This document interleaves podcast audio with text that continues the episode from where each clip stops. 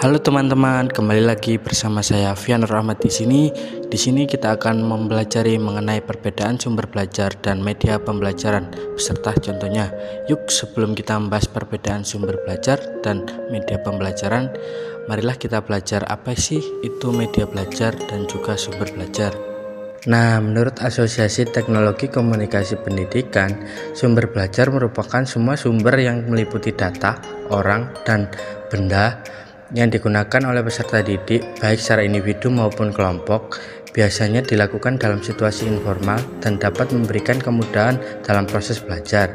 Sedangkan menurut Prastowo, Sumber belajar pada hakikatnya adalah segala sesuatu yang berupa benda, data, fakta, ide, orang, dan lain sebagainya yang dapat menimbulkan suatu proses belajar. Nah, dari beberapa pendapat tadi, maka dapat disimpulkan bahwa sumber belajar merupakan semua sumber baik berupa data, orang, media, dan tempat berlangsungnya pembelajaran yang digunakan oleh peserta didik sehingga dapat memudahkan dalam proses belajar. Jika kita tinjau dari pemanfaatannya, sumber belajar terbagi menjadi dua, yakni sumber belajar yang didesain dan juga sumber belajar yang tinggal pakai atau tinggal dimanfaatkan saja. Sumber belajar yang didesain merupakan sumber belajar yang secara khusus melalui tahapan analisis dan direncanakan kemudian baru dikembangkan sesuai dengan kebutuhan, tujuan, dan materi serta karakteristik siswa dalam belajar agar hasilnya dapat lebih maksimal. Sedangkan sumber belajar yang dimanfaatkan merupakan sumber belajar yang tinggal dimanfaatkan yaitu sumber-sumber yang secara tidak khusus didesain untuk keperluan pembelajaran namun dapat ditemukan dan diterapkan serta digunakan dalam keperluan belajar. Adapun peranan sumber belajar yakni yang pertama menjembatani peserta didik dalam memperoleh pengetahuan, yang kedua mentransmisikan pengetahuan atau informasi kepada anak-anak atau peserta didik melalui pertanyaan-pertanyaan apa, siapa, di mana, kapan, dan kenapa. Pertanyaan-pertanyaan ini dapat berguna sebagai alat bantu mengorganisasikan sumber belajar tadi. Manfaat sumber belajar sendiri yakni dapat kita jabarkan secara sederhana. Yang pertama, sumber belajar dapat memberikan pengalaman yang konkret secara langsung kepada peserta didik. Yang kedua, sumber belajar dapat mengatasi segala keterbatasan waktu, ruang, dan keadaan. Yang ketiga, sumber belajar dapat memberikan informasi dengan jelas, teliti, dan terbaru. Yang keempat, sumber belajar juga dapat membantu memecahkan masalah pendidikan. Yang kelima, sumber belajar dapat memberikan motivasi yang positif. Dan yang terakhir, sumber belajar dapat memberikan yang positif dalam bersikap perkembangan yang lebih lanjut. Menurut Sujarat lebih lanjut mengungkapkan bahwa ada lima kriteria dalam pemilihan sumber belajar, yaitu secara ekonomi sumber belajar yang digunakan tidak harus berpatok pada harga yang mahal. Yang kedua, praktis sumber belajar yang dipilih dalam pengoperasiannya tidak memerlukan sesuatu hal yang rumit. Yang ketiga, mudah sumber belajar harus dekat dan tersedia di lingkungan sekitar kita. Keempat, fleksibel artinya sumber belajar ini dapat dimanfaatkan untuk berbagai tujuan instruksional.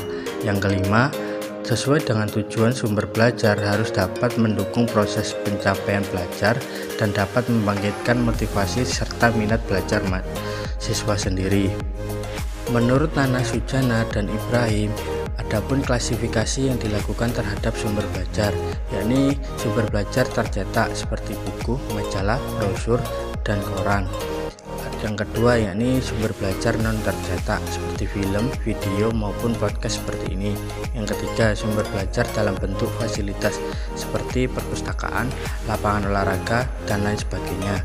Yang keempat sumber belajar dalam bentuk kegiatan seperti wawancara, kerja kelompok, observasi dan lain sebagainya.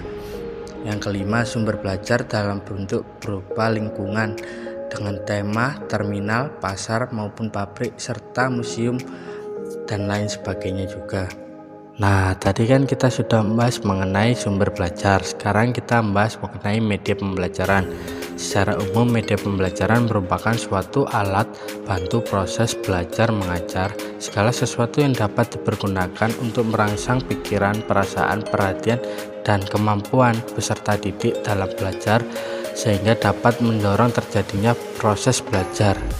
Adapun beberapa peranan yang dimiliki oleh media pembelajaran yakni peranan yang pertama mengatasi keterbatasan pengalaman yang dimiliki oleh para siswa.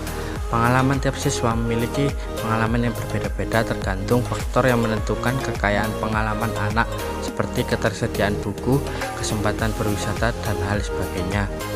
Yang kedua, yakni melampaui batasan ruang kelas. Banyak hal yang tidak mungkin dialami secara langsung di dalam kelas. Yang ketiga, memungkinkan adanya interaksi secara langsung antara siswa dengan lingkungannya. Yang keempat, menghasilkan keseragaman pengamatan. Yang kelima, menanamkan konsep dasar yang benar, konkret, dan realistis, serta membangkitkan keinginan dan minat baru siswa. Yang terakhir, membangkitkan motivasi dan merangsang anak untuk belajar. Hanya itu, media pembelajaran memiliki manfaat, yakni yang pertama manfaatnya adalah pembelajaran akan lebih menarik perhatian siswa sehingga dapat menumbuhkan motivasi belajar. Yang kedua, bahan pembelajaran akan lebih jelas maknanya sehingga dapat lebih dipahami oleh siswa dan memungkinkan untuk menguasainya lebih cepat. Yang ketiga, Metode mengajar akan lebih bervariasi, tidak semata-mata komunikasi verbal melalui penuntunan kata oleh guru, sehingga anak tidak bosan dan guru tidak kehabisan tenaga, apalagi guru yang mengajar setiap jam pelajaran. Yang keempat, siswa dapat lebih banyak melakukan kegiatan belajar serta tidak hanya mendengarkan uraian guru tetapi juga aktivitas lain seperti mengamati, melakukan dan mendemonstrasikannya. Pembelajaran yang telah diberikan oleh guru. Adapun prinsip-prinsip yang digunakan dalam pemilihan media pembelajaran yakni yang pertama menentukan jenis media dengan tepat. Artinya sebaiknya guru memilih terlebih dahulu media manakah yang sesuai dengan tujuan pembelajaran. Yang kedua mempertimbangkan subjek yang tepat artinya perlu diperhitungkan apakah penggunaan media tersebut sesuai dengan tingkat kematangan dan kemampuan siswa dan menyajikan media pada saat waktu yang tepat dan situasi yang tepat Nah, adapun kriteria media pembelajaran, yakni yang pertama tujuan, apakah tujuan pembelajaran yang ingin dicapai? Yang kedua, sasaran didik, siapakah sasaran didik yang digunakan dalam media tersebut? Yang ketiga, karakteristik media yang bersangkutan, bagaimana karakteristik media tersebut, apa kelebihan dan kekurangannya yang disesuaikan dengan tujuan pembelajaran. Yang keempat, waktu. Berapa lama waktu yang diperlukan untuk mengadakan atau membuat media yang kita pilih. Kelima, biaya. Penggunaan media pada dasarnya dimaksudkan untuk meningkatkan efisiensi. Yang harus dipertimbangkan adalah biaya untuk membuat media pembelajaran tersebut. Yang keenam, ketersediaan. Yang ketujuh, konteks penggunaan. Dalam kondisi dan strategi bagaimana media tersebut akan digunakan. Yang kedelapan, mutu teknis.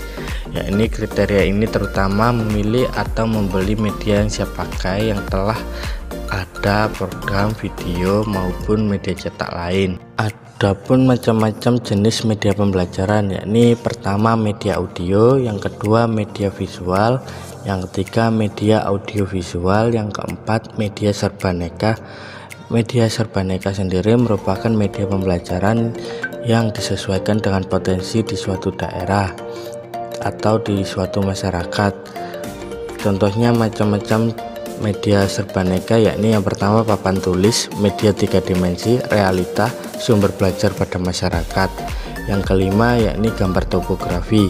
Gambar topografi diperoleh dari beberapa sumber misalnya surat kabar, lukisan kartun, ilustrasi foto, dan lain sebagainya.